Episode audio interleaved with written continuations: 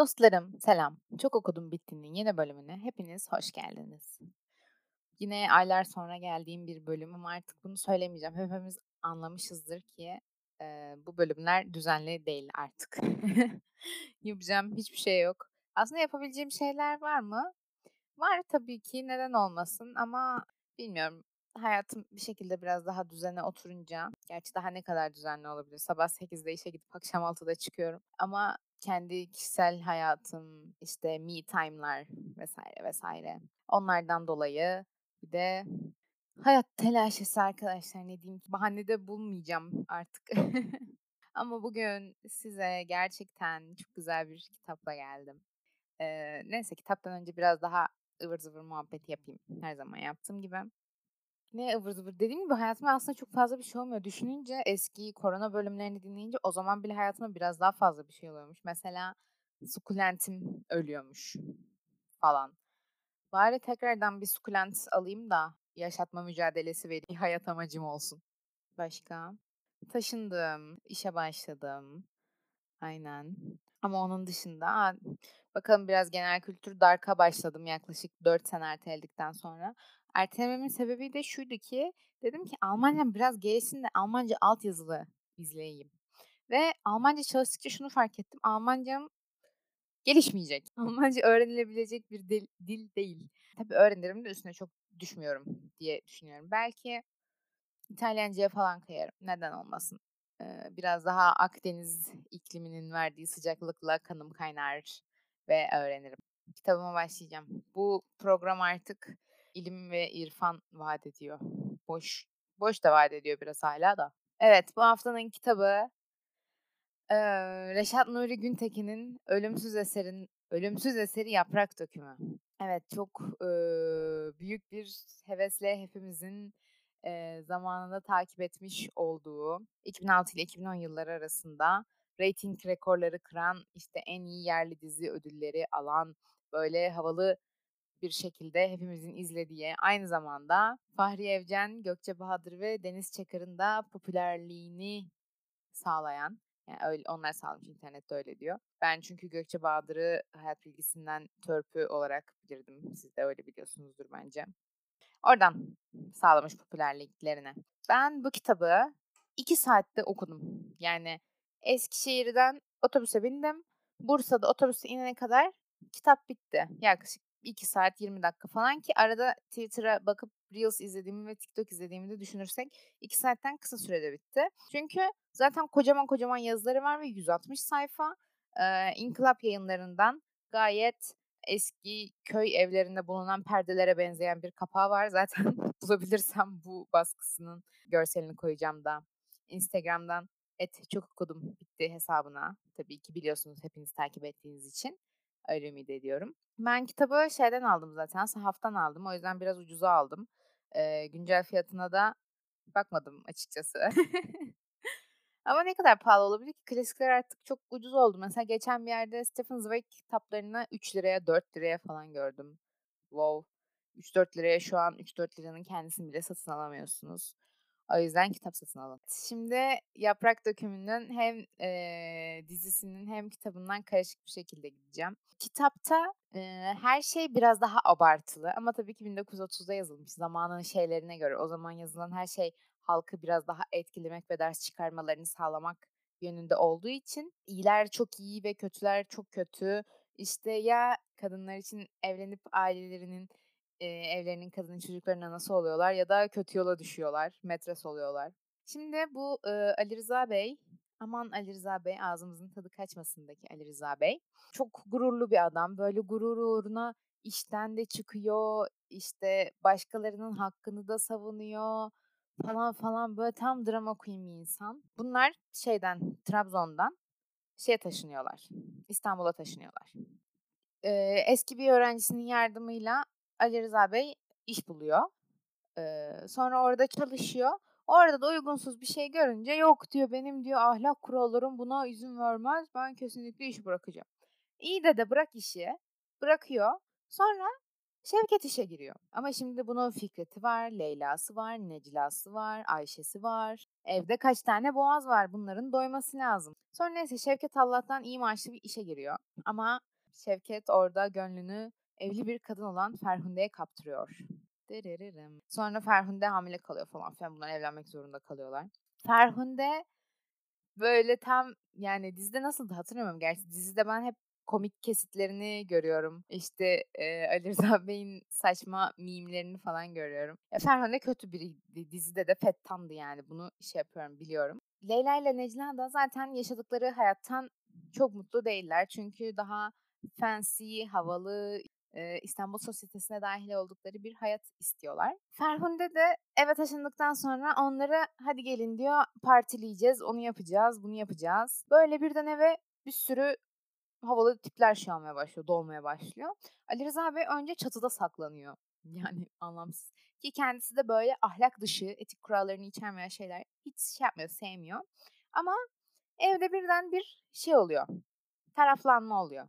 Ee, havalı şeyleri sevenler ve havalı şeyleri sevmeyenler.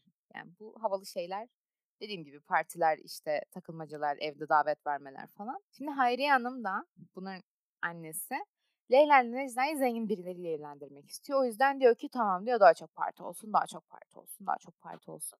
Birileri geliyor Leyla ile Necla'yı şey yapıyorlar işte evlenmek istiyorlar, onu yapıyorlar, bunu yapıyorlar. Sonra bir şey çıkmıyor genel. Aslında hiç paraları yok. Sıfır yani hiçbir şey yetmiyor. Böyle sürekli kıyafetleri dikiyorlar. Yani yeni bir kıyafet kıyafetmişçesine diğer kıyafetleri şey yapıyorlar. Düzeltiyorlar, ediyorlar bilmem ne. Yokluk içinde varlık varmış gibi gösteriyorlar ki diğer insanlar da onları zengin sanıp onlarla evlensin. Wow, saçma. Ama 1930 eleştirmiyorum. Sonra Fikret tabii ki bu durumdan hiç memnun değil. O da e, babası gibi bir insan olduğu için komşularının birinden rica ediyor. Diyor ki bana koca bul. Sonra Ada Pazarında eşi vefat etmiş bir adamla evlenip Ada Pazarına yerleşiyor. Babasına bir şeyler orada biraz yine onlar seni yüzüstü bırakacak da ben seni eve alacağım tarzı e, vibe'lar veriyor. Ve bu sırada bu masraflar karşılanamayınca Şevket de hepimizin bildiği gibi banka kasasından para almaya başlıyor. Yani banka kasası mı işte çalıştığı yerin kasasından zimmetine para geçiriyor. Ve sonra tabii ki hapse düşüyor. Kaçınılmaz son. Burada zaten durumu kötü olan aile gittikçe şey yapıyor. Şevket hapse düştükten sonra Ferhunde de evi terk ediyor tabii ki. Ve bu olaylardan sonra bu partilerden gelen talipler var. Leyla'ya da 3 talip birden geliyor. Aslında iyi talipler işte mesela bakıyorum hemen. Kim var mesela? Doktor, maliye memuru falan. Bir tanesi de Suriye'den gelen zengin bir e, adam. Şimdi bu zengin adam aslında dizide e, Oğuz'a tekabül ediyor. Oğuz da hepinizin e, bildiği gibi artık Amerika'da tırcılık yapan Tolga Karel tarafından oynanıyor ki güzel bir kariyer geçişte diyebiliriz. Neyse Suriyeli, Suriye miydi? Aynen Suriyeli bir adam olarak şey yapılıyor. Adam Leyla'ya talip, iyi güzel. İşte zengin falan Ali Rıza Bey diyor ben sana da yardım edeceğim diyor. Belini doğrultacak. Hayır yanım çok mutlu zaten. Ay aman Ali Rıza Bey çok güzel hayat her şey mükemmel. Sonra olay şu adam bakıyor Necla Leyla'nın kardeşi olan ondan iki yaş daha güzel ve daha çıtır olduğu için diyor ki Leyla sokakta başkalarıyla görmüş işte uygunsuz kişilerle konuştuğu görülmüş. Ee, ben diyor şey Necla ile şey yapacağım diyor. Evleneceğim diyor. Ne şok gerçekten. E işte Necla da iyi tamam falan diyor. Böyle Suriye'ye gitmeye hazırlanıyor adamla birlikte. Sonra bu dizideki meşhur mont sahnesi var ya. Ay çok beğendiysen al senin olsun falan diyor. Eğer e, sesini bulursam yerleştireceğim. Aa Necla sen bunu beğenmiştin. Al senin olsun. E giymem artık ben bunu.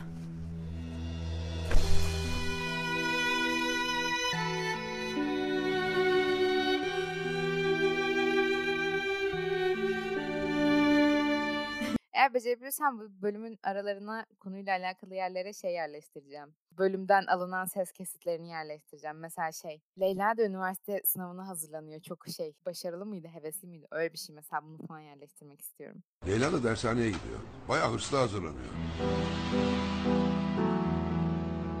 Sonra Necla gidiyor adamla birlikte Suriye'ye. Sonra asıl şok gerçekten Leyla'nın ateşten alındığı an arkadaşlar. Necla aslında Suriye'ye gidiyor görüyor ki adam hiç zengin değil. Zaten birkaç tane karısı var. Necla orada başka bir hayat yaşayıp şey yapıyor, duruyor yani. Hiç beklediği gibi zengin bir hayat değil, normal. Türkiye'deki sıradan bir e, köyde yaşayacağı gibi bir hayat şey yapıyor. E, Leyla vesaire gittikten, aile küçüldükten sonra evi satıyorlar. Hop daha küçük bir eve taşınıyor Ali Rıza Beyler. Leyla da depresyona girdikten sonra işte böyle kendine geliyor. Doktor diyor sıkmayın bırakın kendine gelsin. Sokağa çıkıyor, dolanıyor, ediyor. Rıza Bey daha iyi kız iyiye gidiyor herhalde. Hiç sesini çıkarmıyor ama Leyla gayet wow wow yani çılgın bir hayat yaşıyor. Bu sırada Necla da mektuplar yazıyor işte. E, Leyla ablam hiç aklımdan çıkmıyor. Annem, kardeşlerim gözümde şey yapıyor, tutuyor.